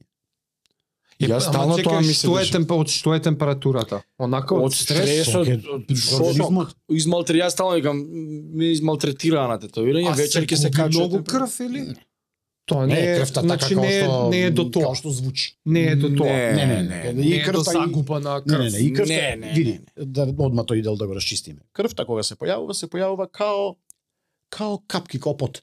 Да. Као пот, као да. Так, така ја јам Значи видено, не да. е тоа дека ние се Нема ќе локвит. ќе бришеме Нема- крварење, крварење, не, дека да. ќе имаме кофи и джогери поред нас, зашто крв течело многу. Не. И кога сме со Јас- крварење тама со алкохол, кога нели ми имаш кажува немој да ми се начукуваш пред вечерта, пред да дојдеш на тетовирање, утре многу поише крвари. Да, Што? алкохолот е стимуланс, го Кај секој различно забрзува, или- го забрзува крвотокот, тој полупериод на распаѓање, на искористување и така натаму на или пошто е прост шекер кој многу брзо се разлага и така натаму, кај кај секога е различен. Значи, да кажеме, нели, кај тројца крвариш. луѓе три пијанства, различен е епилогот и Така. колку време им треба за да се за да се избалансираат. И како влијае? Пожелно- Поише Крвариш. Поише крв. Да. И пожелно Проблем му прави него за И работа. сега знаеш што поише крв, толку повеќе ја бришам по спорсум и така натаму. не Тоа може да све- работи тоа све, тоа све во текот на работата го зголемува времето и автоматски што полого седиш, толку тебе поише те боли. А освен алкохол, вака некои други совети за некој што ден, два, три, Да не или да, прави. да Што иде како да припремат. прави она do's and don'ts? како, Е, баш, припрема како за да тетовирање. се припреми да дојде на тетоваш. Одморен, најаден, хидратиран. Толку. И кога колче до него на два сата ако планира да се шкрта, што јас има кога го правевме ми се снеарни. проблеми нели со А со, зашто со Coca-Cola? шекер и така Па натаму. шекерот ќе ти падне. Аха. Те врати у живот. Мислам луѓе, нели. Мене ми рекорд 4,5 Па сата. ги дигаат од, од земја. Да, да, добро, И тогаш се сеќавам ми се снеарни малци на четвртиот сат ставив ми ц- малце да не осеќаш и готов окей. бев, нема шанс. И другар влага вика шо ти е? Викам, да не сакаш нешто? Земи една кола, ја легнат вака оптегнат. Со раката и тука да шкрти, пусна ребра нели највише А со боли. што со анелгетик топичен? Ан- ан- И на четвртиот окей. сакаш да шприслам? Па што, кјути? сега не може вика, не паќа на Ама на- вика, мора да те на- разрани. На затворена кожа. Да, затворена не. Не може Аха. пошто не фаќа. Значи ние се седиме тоа е оно и спрејчето, знаеш на забар кој ќе те прстат Да, за, за да. да те боцнат со инекцијата. Да, бе, да, знам. Е тоа е тој. И задни пола са. И сега тој ја разјам се извадам ја спреј дека те прскам по рамо Ништо. по џабе. Ќе го потрошиме.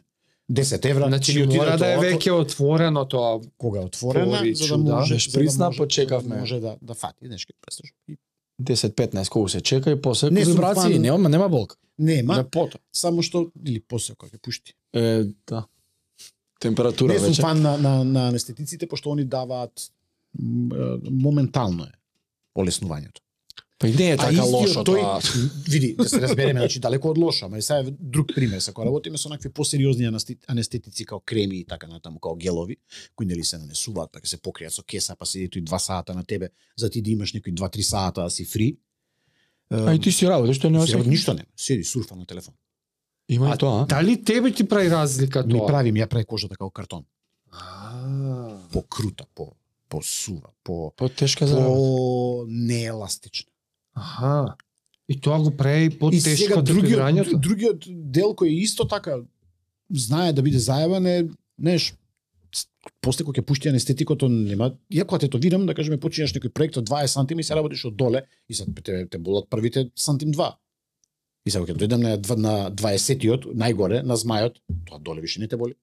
Да, да, не го тормозиш. Тебе, кога ќе направиш ти токава рана под анестезија, она после не пушта овде, па овде, па овде. Не, цела. да, еднаш ќе пусти, да, да. И нели, доврши го четивото сам.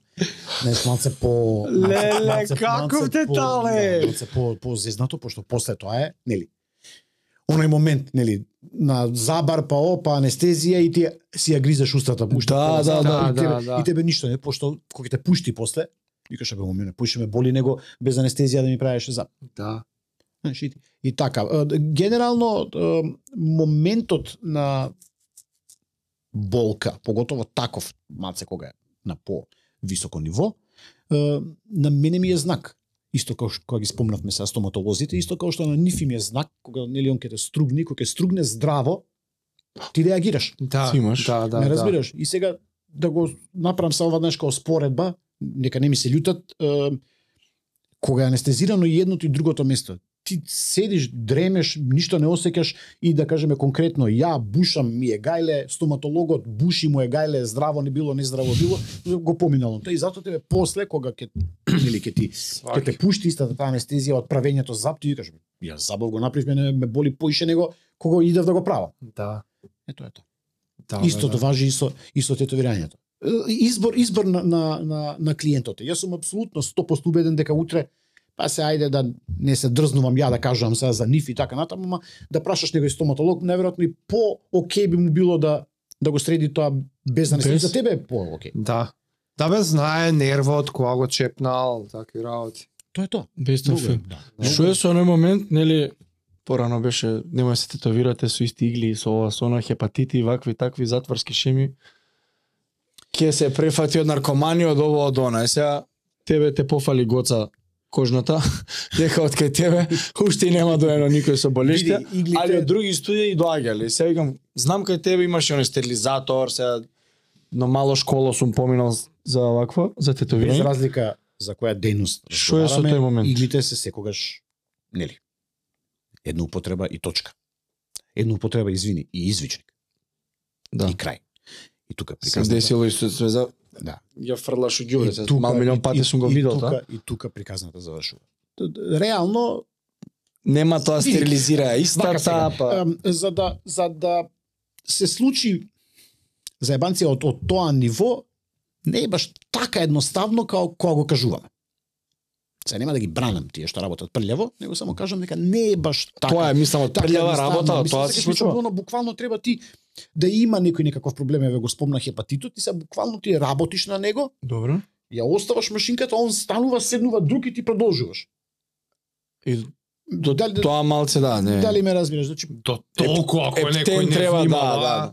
И ти као клиент ќе кажеш чека малце застани мајстор рече. ептен ќе одиме овако у етер да не отварам устата. Иначе што Се се, што све има од памет ќе се извадите. Таква Значи, работа? Значи тој тој момент е мораш едноставно да го научиш. Мора и крај. И сега, пак ја кажам, нема да ги ругам, нема да ги хейтам и така натаму, супер. топ тату артисти има денеска, млади деца што работат и све супер, ама има некои финеси кои мањкаат и истите тие финеси се како работи. кога седиш и кога онако си апрентис како онаков амерички татушоп и Елеинг. тој, и тој вампир бел у главата седи и ти објаснува и, и ако треба и вика. Така што тие се тие некои работи кои така се учат, таму се учат. А што сега како кажа за една употреба што игла и толку? Тоа е све Па disposable, тоа е све за една употреба. Сега имаш Сега сега имаш Па, све, сега имаш да. сега имаш игли, сега имаш гриповици, имаш цели системи кои се за една употреба, освен самата машина.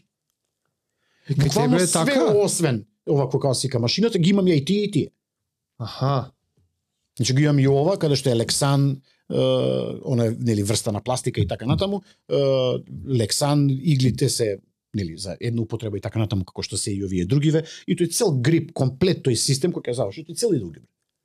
Аха. Да, бе, он има спремно една. А да ка, да кажеме, нели, имаш други, тој што е малце по-традиционално или повако, тие ти се инструменти како што ги има во во преска ги спомнавме, пак да ги спомнеме, стоматологија, амбуланта и така натаму, че тоа со што ти работиш, без разлика дали е некоја шпатула да провериш грло, ово, она, ај сега има дрвени, порано нели Да, да, тие да, метални, да. па седни собери ги сите 50 деца од Сабајле, и чисти ги под вода, фрли ги стерилизатор, ќе ги испече он 40 минути и пријатно ги враќаш пак назад. Тоа тоа. Да.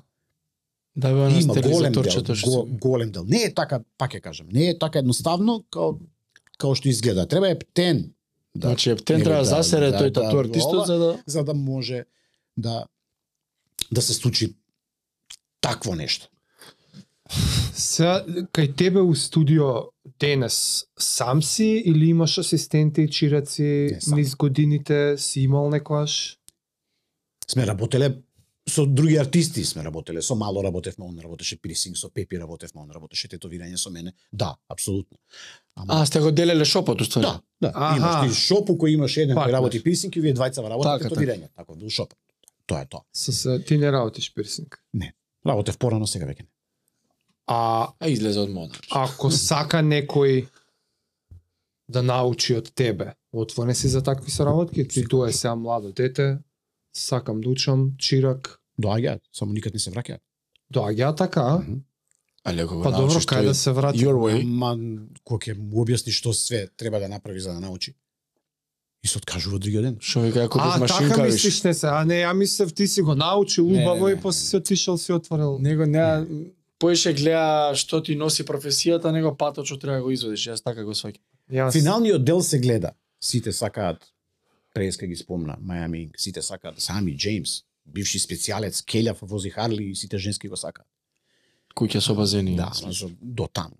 Сака сака пат. До таму гледа го кинезот на што му се дешава. До таму сака сака пат да изодиш. Сјаки ми извиниш едно незгодно прашање, ама многу ме интересира.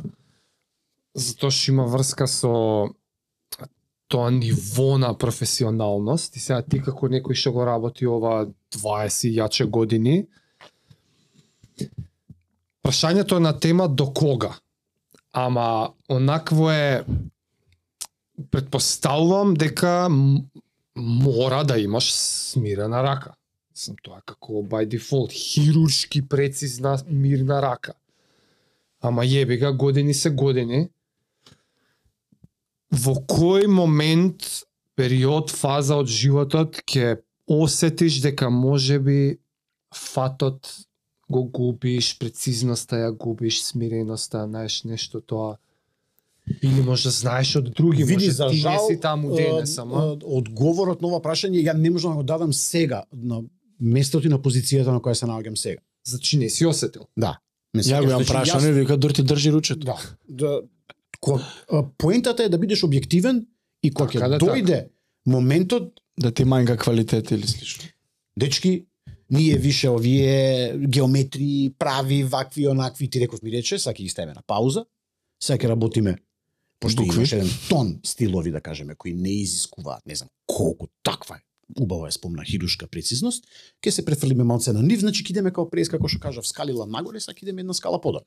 Сваќа. Сега опфаќаш повеќе различни Значи ќе можеш да продолжиш. ти можеш, нели да кажеме, да продолжиш, само ќе можеш да продолжиш. Додека не дојде да, нели, а секако дека ќе дојде, пошто сите ние натаму одиме, да дека не дојде моментот кога едноставно и тоа нема да може, и кога е време за машинката на на дзид. Ама што ме радува е што ден денес немаш приметено, уште ти нема опаднато малце таа хируршка Не, не, не, прецизност. Не, не, Е, не. па Си работам, супер. имам кејф ми е, работам геометрија, работам прави линии, работам сите тие такви дотпрк точки, чуда и така натаму, така да нема никаков проблем. Се дека ги прифаќам да ги да ги работам, проблем нема. Има некои кога ќе дојде да да не можам, значи дечкото, девојката што ќе бидат карши мене, ќе знаат први. Аха. Има некои вежбички што можеш онака по дома си ги правиш како да си одржаваш или да си вежбаш некоја прецизност. Што се изгаси? Е, Нешто падна. Ова пред мене. Ова? Аха. Океј. Ништо. Е, види, вежбите се континуирани пошто црташ. Ц, а, обично цртање. Па да. За тоа мислиш? Е сега се криво ми е за децава денеска, ама денеска цртаат на таблет. Што Аха. на таблет. Па на таблет, на iPad. Да, ние што се како падови. ми ја направи вика 3D сликата, викам. Ме сакаш се тој момент со, нели, со моливот, па си го земал, па си притиснал малце поише, па ти се скршил, па значи треба малце да лабавиш. Не сакаш? И Добро, тие такви некои моменти таа се такви. вештина се пренесува, се трансферира у, а, у вештина за цртање со молив на хартија е нешто што се трансферира во вештина на тетовирање? Види, искрено... Ако не знаеш да црташ на а, хартија, да. Не фаќаш Значи, ти 300 деца у уметничко, 290 цртаат. Тачно. Ме разбираш? Значи, и сега ние ќе треба да видиме тие 290 да направиме нели мала една филтрација да видиме кои го имаат окото. Океј. Пошто раката и техничкиот дел таа перспектива што сум ја учел највише од архитектура и така натаму се тоа е како во школа. да се Јасно, учи јасно. перспектива на три точки, перспектива на четири точки и така натаму. Тие такви работи тие се учат. Кога ќе отидеш на, на факултет, ќе те научат. Така, Е така. сега, дали ти го имаш окото, дали ти ја имаш дали, дали имаш е, смислата, дали го имаш, дали го имаш вкусот, стилот и така натаму и ти од на архитектура од таа перспектива да изведеш некое велелепо здание кое утре некој ќе го претвори у објект. Е, знак прашалник. Сваќам. И исто како што е знак прашалник, дали ќе успееш и имало во однос на овоа прашање, односно на оваа тема, неколку пати сум се сретнал со дечки што топ цртале, ама на кожа не. Не се снаоѓа, не му се префала. жив медиуме. Рамна хартија, А4, А3 формат, маса, тврда, дише, мрда. Вена, Да. твич, мускул. Па имало БМК па за овие коли, па не. Па сите тие такви. И, и бемката, и тоа е делот со, со медицинскиот дел, е тој. Седиш и со, со бемките, бемка не се пипа, точка, готово. И нема тука што... Гледај мојата како ги ували двете у нос. Гледаш? А, да. Примети фотка која направивме не ми ни кажа. Ме свекаш, значи бемка не се пипа, крај, готово. И сега зависи. Ке имаш Што ситуација, ке имаш, ке имаш ситуација, ка, ке имаш ситуација као, као ке него каде што ќе може тоа да се укомпонира таму и они да се маскираат фино. Ама па сега ако дојде некој и направи некој чудо црно, Да бе, по-висок. рок. Ме разбираш, трајбал на рамо и ако има 30 бемки, боже мој, нема кај да бегаме сега, тие ќе треба нели. Кругче ќе се ќе се заокружуваат. Ќе се заокружуваат и ќе се избегнуваат вака. И сега Да. дека мене пошто е вода изгледаат како топчиња, како капки А. и така е секаш? И тоа. Посебен скил. Има некој тип на кожа, еве сега со бемки ве ме подсети а, дали бемки или некоја друга состојба на кожата, кај што човек едноставно не би смеел да се тетовира. секогаш има. Сега тоа што Се дешава сега дуе предпостав, некој тако? види, да бидеме најискрени, тие луѓе што имаат такви сериозни кондиции ситуации со со кожа, не им е некако да се забават и да го закачаат лавот и да да трчаат и да се боцкаат со игли, пошто веќе имаат некаков каков и да е тој проблем. Што се тиче бемки, само немој Бемките, бемки. бемките не се страшни. А што ќе се деси ако баш на бемката тетовираш? Види, имаш мени од работи кои потенцијално може да се десат, не разбираш? Поентата е дека дека е дека е ризично, дека е, може истата да се иритира, дека не можеш на визуелно само што ќе видиш да знаеш дали е добра или лоша и така натаму. Да ви се А, испитуваат. јасно. Стварно, Не дире мечку пич. Биди си на сигурно него Тоа да е тоа, значи така, како што така. реков преска, они не се пипаат и тоа е тоа. И сега ние можеме да седиме и да работиме стилови дизајни каде што ќе можеме истите тие да ги адаптираме. И ќе може таа бемка као кај скалот на жаре се Да, да, да укомпонирала се со уклопи, носот, да. со окото, со не е битно што со марамата и така натаму и она не се гледа. Или сега кога ќе дојде нешто кој што спомнав преска, што треба да биде тоа се црно, темно, ноќ. Тоа е тоа. Едноставно се морам да, да ја да, заокружам и тоа е тоа. Не ми дозволува, не ми дозволува дизајнот да можеме така да ја укомпонирам, нези да ја маскирам. Да. Знам дека едно време се баш со дискус херни со такви работи. Се уште. Да, ама те гледам и многу ослабен од задњи пат кога те видов, па вајде нешто си преземал тоа. Тоа знам дека превзема тогаш, па пак ти се вратите болеше нешто имаше, па се префрли на пливање од теретана и тегови. Е сега сега на прашање ме колку лайфстайлот сигурно многу, ама вајде ти ќе си одговориш, влијае на долговечноста и на квалитетот и на кариерата на на кеден татуар кај тебе лично. Физички Тебе може и заhtевна те работа. спасила дискус хернијата за да почнеш да вежбаш и тренираш, може би. Не знам, еве ти Не види, ја до до посериозната кондиција дојдов пошто имаш и комбинација на неадекватно вежбање, ве така да го кажам. Аха, Ме сакаш, значи сега да кажеме јас сум неправилно дигање сум имал тегови. некаков некаков проблем на 18 години сум имал собрекајка која била лоша, која ми била повредена кичмата и така натаму. Сега кога да е, нели, секако што треба, се, иако трнеме са таа кутија да отвориме, да живееме на место како што треба, ти на тие години кои ќе отидеш доктор, кој ќе лежиш у болница, која после тоа ќе ти испраќаат на рехабилитација и така натаму и така натаму, ја од овој аспект денеска. Значи не тој 96 година. Од овој денеска како гледам на работите, или пожелно е, нормално е да седнеш и тој што знае повеќе од тебе нормално, да ти каже слушај сега, вака и вака, ова е сериозна повреда. У, оваа повреда треба да обрнеш внимание на тоа, на тоа, на тоа, на тоа. Значи, пожелно е немој да си играш играчки со дедлифти, со чучњеви и со 200 кила на раменици, него иди на базен. Или диге малци правил. Седни, као се вика, обрати внимание на, на као се вика, на е, торзорегијата, на долниот дел од грбот, на, на, на стомак и така натаму. Значи, делови кои таа конкретно кичма ја држат и така натаму, кои може незе да ја асистираат, за да не удират целиот тој товар од секојдневниот живот и од лайфстайлот што го спомна, да не паѓа директно на неизе. Лошо и комплицирано е тоа што е седечка работа. А седечка работа више нема потреба тоа да го објаснуваме. Да. Секој со со мобилен со интернет на мобилниот знае дека за грб, за и така натаму за тие такви повреди од тој тип е мајка.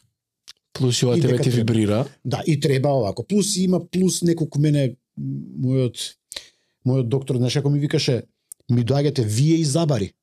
Да, Пошто позицијата е Не при. ќе потфатиш нешто од страна и седиш и така седиш пола сат. И Седиш, и за мене цела оваа десна страна ми е у контракција, левата ми е тотално опуштена. И са тоа, тоа не ти е проблем на никого од нас не му е проблем тоа. Ако е денеска. Ама, По може да по задоте. 20 години. Ама две декади.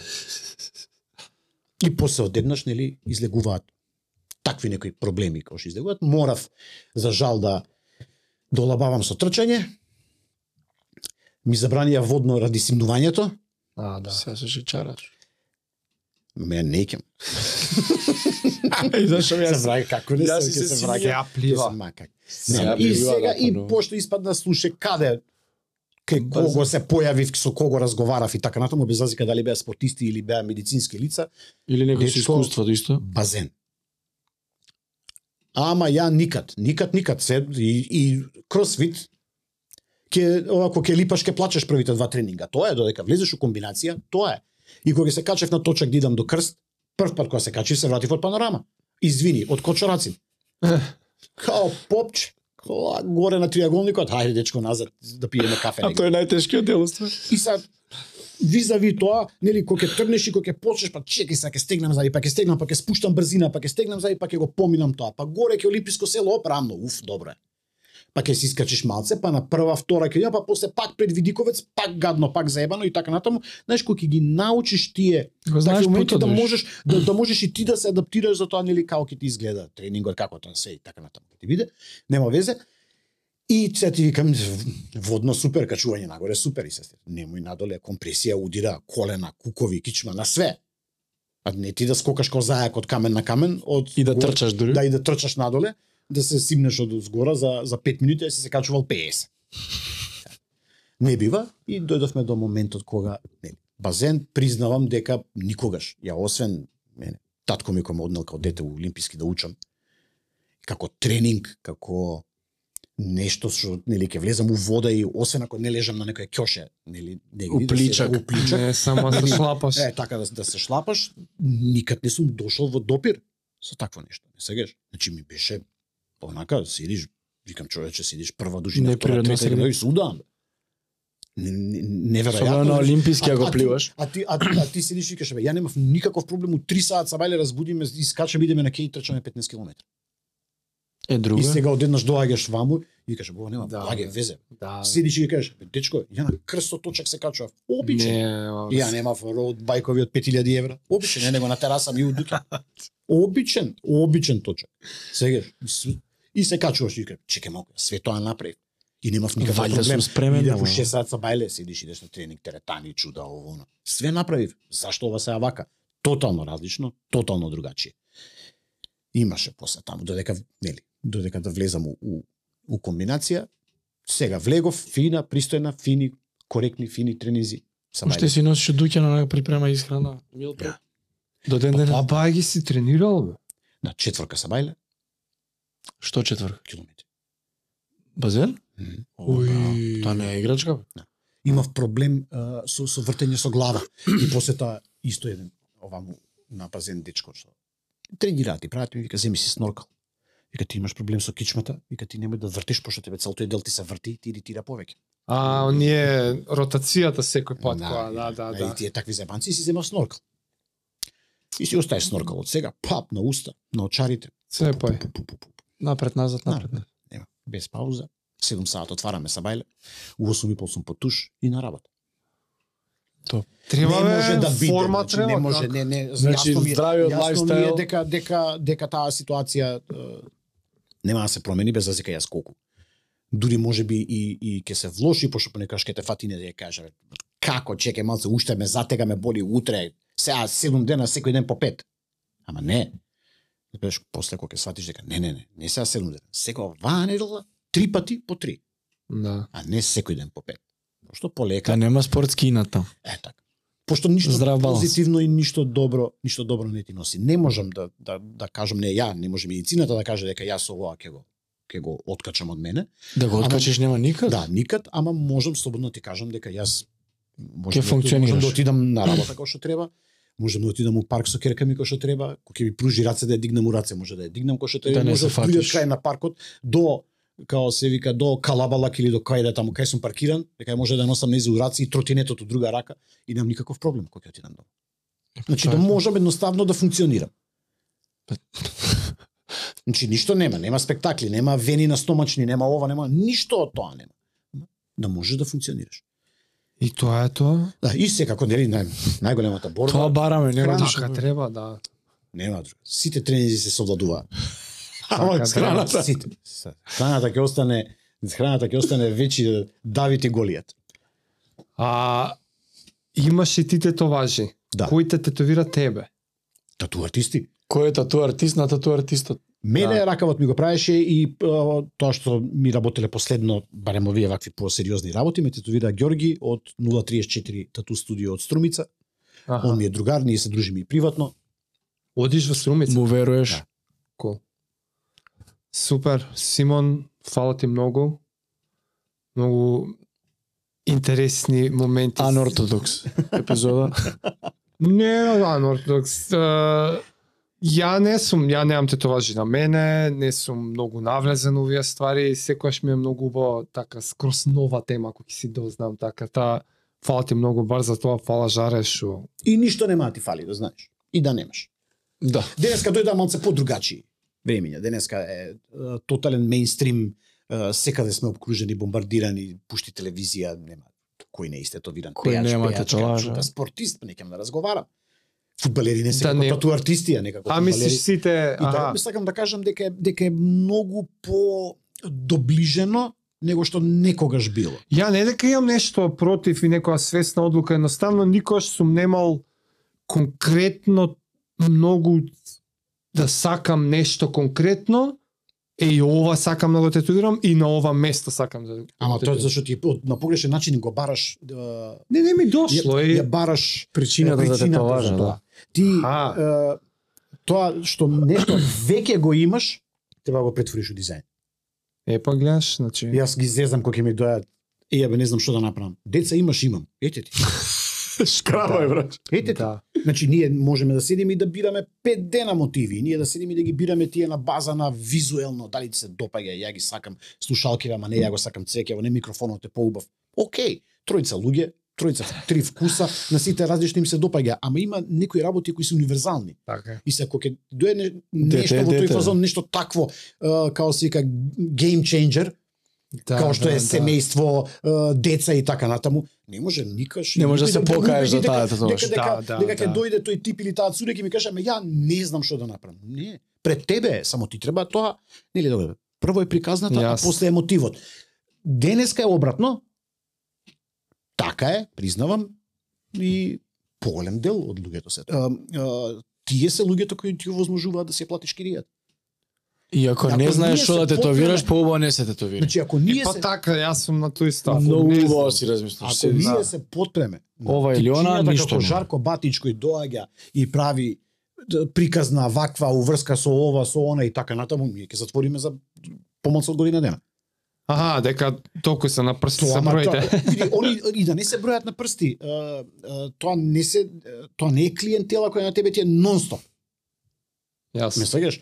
А да кажеме млади момци, девојки не е битно кои идат импулсивно и така натаму и кои виделе нешто интересно или некој им се допаѓа или нешто им се допаѓа на некого што го носат како тетоважа и они доаѓаат и викаат ја го сакам исто ова малте не као да бираш се ми се допаѓа твојата црна кошула ама мене нема ми стои така јас сум поголем од тебе ама мене ми се допаѓа и се Се он те советува и твоја дали се? Да, бе, да. Утре ќе доеш на покривање. Малце, ма, малце, малце е по по другачие. И сад тој момент, односно таа група на луѓе е глобално сериозно голема. Значи на луѓе кои исполкуваат, од помодарство, импулсивно и така натаму. Да. Па од нив имаат кариера, тоа значи, кажа. Честни исклучоци има тон луѓе кои си доаѓаат со приказна момци, девојки не е битно и све супер и тоа е за поздрав. Ама има од другата страна три тона кои доаѓаат и пази повторно ќе кажам, ја нема ја нив не ги ругам, не ги хейтам, нема проблем. Да, бе, Ако, да, јасно, ако јасно. тебе тоа те да, тебе тоа те, таа- те таа усреќува. услуга даваш. Јас сум професионалец. Јас сметам дека има некои работи од технички аспект кои јас на тебе, на неа, на него, на не е битно на кого треба да, да ги кажам. Сметам дека тоа е правилно. Тоа во мојот работен век ме коштало многу клиенти, ама во исто време ми донело многу клиенти. И задржал. Ме разбираш пошто се доведуваме е, уште овој ден па може да го вако да да Да да, да завршиме. Е, е, се доведуваш у знаеш како малце таа ситуација па сега не можда не е не е чудна, ама а еве така ќе кажеме. Значи сега баркодот го спомнавме преска, така? Да. Доаѓа жаре и вика сакам баркод. Ја му викам, слушај, баркод. Сакам баркод позади на врат. Баркод позади на врат. Прво баркодот. 20 линии на 5 сантима, сите паралелни, тенка дебела, тоа на кожа нема да издржи. Второ, таа кожа имаш вишак. Имаш секогаш плюс, пошто за да направи ротација главата, а да не те затега, Аха, мора да имаш плюс кожа. Таа кожа овдека, пошто е нонстоп под надворешни влијани и така, но и пошто нонстоп се движи е покрута од колку другата кожа. Зашто е лактот погруп него бицепсот натре? Пошто бицепсот натре не мрда, а лактот Да, мрда да. нонстоп. И са нонстоп кога мрда, ја ги зезам као кај ти се витка патиката и кај ти е каишот кожен на кој дугме ти е. И са знаеш на тој Да. дел ме Е, да, бе, да, да, баш така. И сега знаеш да, да треба треба да, да јас барем мене стилот ми е таков да дадам некој пример од секојдневие за да може да ти го доловам да не треба да мозгаш сега ти ечеке што зборува овој. Значи тоа таму едноставно, знаеш, не функционира. И сега две групи на луѓе има. Океј, добро, не го правам или да кажеме нема да правам ништо или ајде да видиме што да правам друго. И втората група е искача од ке тебе и иде преку улица у другото студио и таму седи кој да е И му вика се нема проблем. јас сакам баркот на врат, седи. Разбирам. Бам, бам, бам, бам, бам, колку треба толку парите низ врата пријат. Не добиваш Разбирам, едукација. Разбирам. Ето е тоа. Пази, и втората група, поготово кога ќе ги анализирам артистите, јас и нифи ги разбирам. Да, да, тоа Јас живе. еднаш бев на почеток. И јас еднаш седев и кубурев и, и пуштав музика 5-6 дена у неделата за да може да ја покрием киријата од студиото. А, Јас тој дел го разбирам. Јасно ми е. Ама па сметам дека штетата што ја правиш е драстично поголема отколку овдека па у наводници нека биде добивката. сваќам. Пошто ти добивка што ќе земеш од некого, не е битно 50 евра за нешто што ќе направиш мало, е, истото тоа како такво у некој разумен временски рок ќе се упропасти. Тој таа ќе се шета на врат, на рака, на нога, на грб, на градина, не е битно каде е на стомак, ќе се шета со нешто неквалитетно, автоматски Ма твојата работа тоа е тоа. тебе визит картата. Да. Да, бе, да. Ме разбираш? Така Или Портфолио. Тоа е твоето дело. Ма, Да, знаеш како никој види искрено никој нема никого кој ќе видиш. Е, немаш врска цивил си. И да видиш таква слика. Дали у еден момент ќе ти текне да прашаш некого или конкретно да го прашаш тој што ја носи таа слика која нели изгубила од квалитет, дали тебе жаре ти објасни дека место ово не чини, дека линииве се вакви, дека ово она. Нема, така? Првото и единствено прашање кое ги го поставише, кој те правиш? Кој ти ово радио? Да. И тука завршува. Кој те правиш? Кој, Кој ти го ова? тие такви муабети, тие кои кои скочиме вака на емисија и кои ќе седат луѓе у студио, иначе луѓе на улица што доста што направиле една тетоважа, ти немаш ни една овие работи што ти кажам, ја немаш појма, така? Да, бе, И да. тоа е сосема нормално. И така. Да, Кој те треба да од кај да знаеш? И он сега ќе седи ќе разговараме за кросфит и сега јас сум потфатил кросфит, гребам негде на површината нешто што сум видел, ама не можам да знам јас детали. И он сега ќе ми ги глупе зборот, плесне у фаца деталите кои може да бидат болни и ти ќе се чешеш. Да, бе, така. И нема да биде дали тебе жаре, ти објасни. Него ќе биде, кај идеш ти на тренинг? Ама ја скинав лигамент. Кај идеш на тренинг? А не дали тебе жаре ти објасни. А тебе жаре ти рекол, слушај тебе ова слаба страна ти е полека, Да, да, внимателно да, да, да. Тоа е тоа. Значи со секоја дејност околу нас ние можеме да најдеме ваков пример. Со секоја. Избери што сакаш, со све можеме да најдеме пример. Затоа мојот стил јас сметам дека така правилно, така практикувам, сите карти отворени и фер плей. Некогаш некој ќе ти избега, ама па затоа јас признавам со годините наназад многу повеќе ми донело. Пошто Така се случува ситуација која ќе влезе некој каже, знаеш што, ја дојдов овдека пошто мене ми река ти кажуваш така така и така. Нема лево, нема десно. Јас сметам дека така е правилно. На Пошто- долгорочен план, да, Пошто, на краткорочен. пошто знаеш, на, на краткорочен план ти ја на жаре ќе му ги земам парите денеска за лошата слика што ќе му ја направам на лошо место кое он бил убеден дека ќе биде добро. Ама утре пет души ќе го јас пет прашаат. души ќе го прашаат и сите тие пет ќе ги изгубам. Да. А вака Да, кој те така е. тетовира Значи, Симон, бројче, така, да, да, да, Тоа е тоа е тоа. Значи на подолг рок секако е Ја барем едно 10 слики не сум ставил на мене зашо ова можеме да го изведеме на подлактица. Ни по знак разно сам. Тоа е тоа. Баре друг.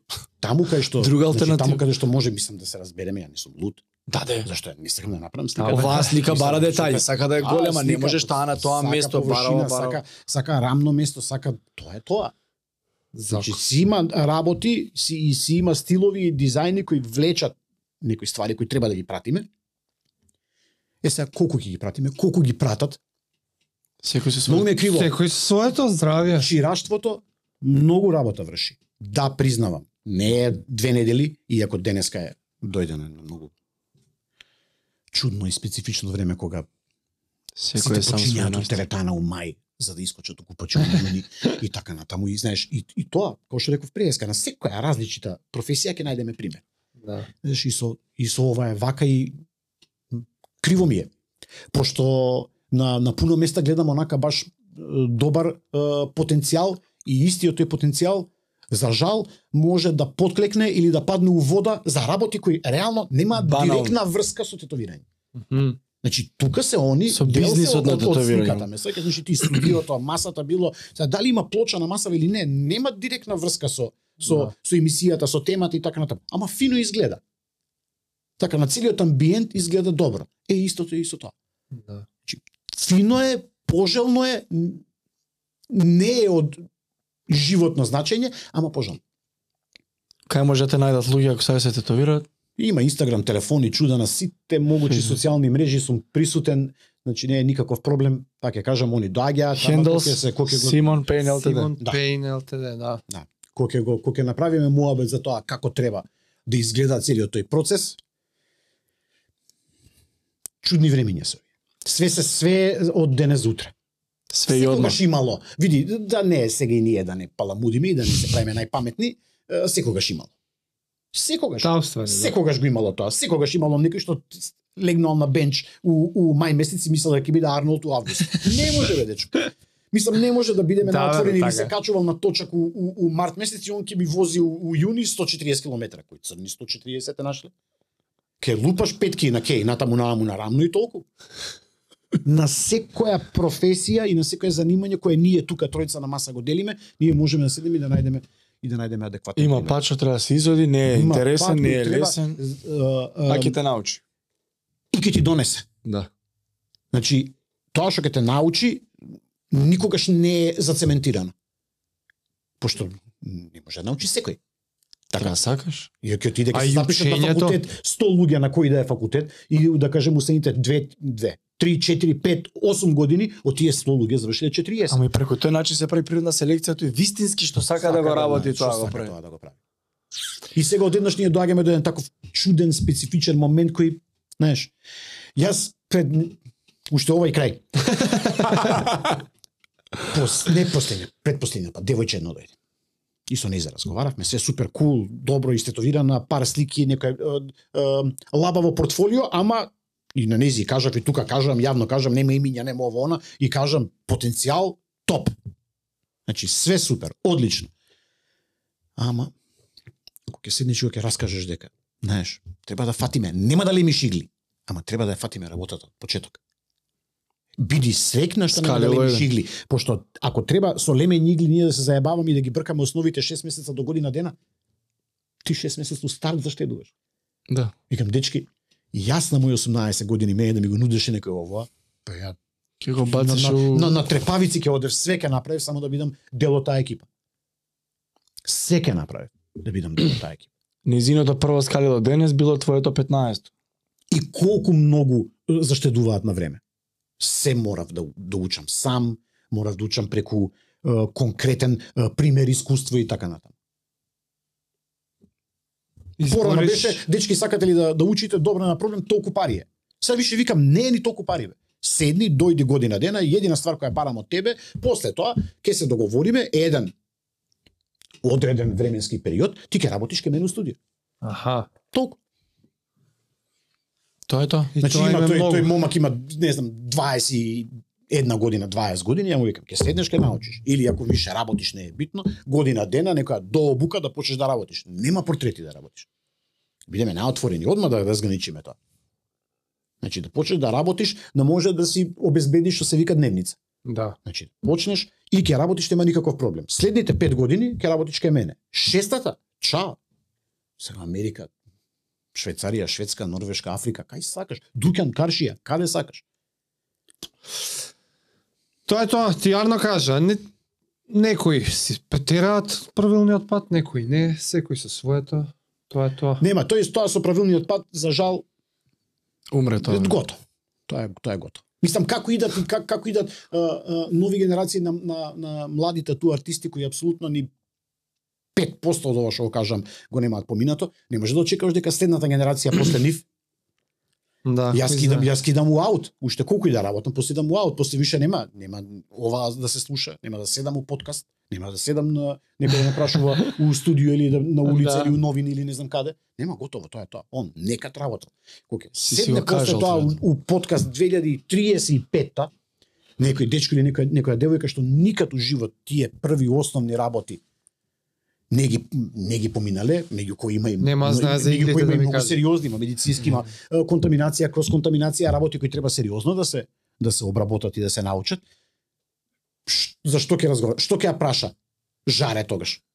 Што ќе го праша? Не мора да е девојка. Ништо црвената боја нема да знае. Ме свегаш?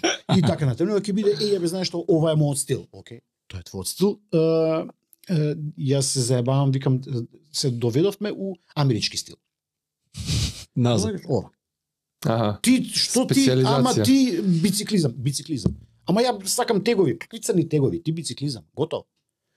И ти тренажер пред телевизор или на Да. планина, бициклизам бе дечко. И пријатно, ти Што си? Зашто тебе тебе? Ја баскет, баскет. Ти си кошарка.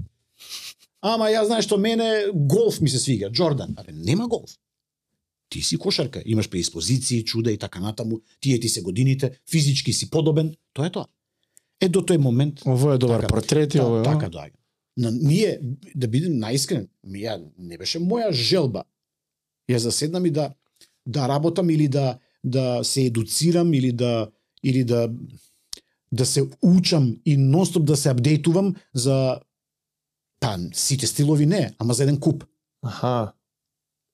Не ти беше желба, ама мораше. Ама тоа Ти бара таков беше клиентелата? клиентелата беше таква, нема. Аха, ти јас- денеска да се седиш, абе знаеш што жаре прави само трайбал.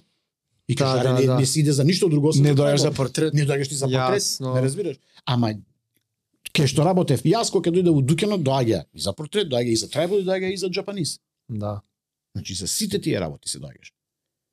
И сега тоа направи да потрошиш повеќе време, направи да се расплинеш како нашиот образовен систем на 10 страни, кои најверојатно 8 или 7 нема да ти требаат никако живот.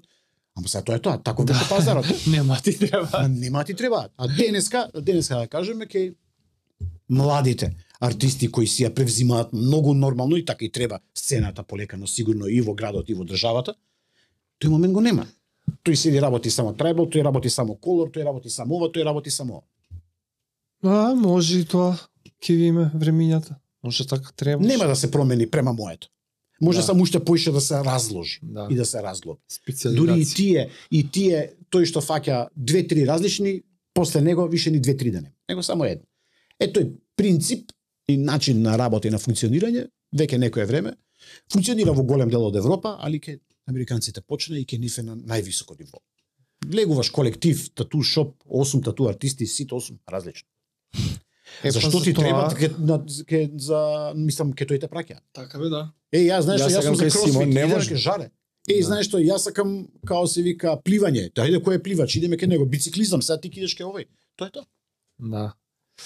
Затоа сме среќни и благодарни што ете бар ти си тука од постарата New генерација Wave, the last wave. да, да ни објасниш и некои Историјатот. А, така историјатот тоа што ја мене што ме интересираше. Фала ти уште еднаш најмногу, па до некој нареден пат. Фала ви што бев гостин и нареден пат сигурно. Фала ти брат, че се гледаме. Поздрав. Ја мислам дека беше ако не да сечам. Ќе кажете како беше, ја што? Ако не прише, Све што си замислам,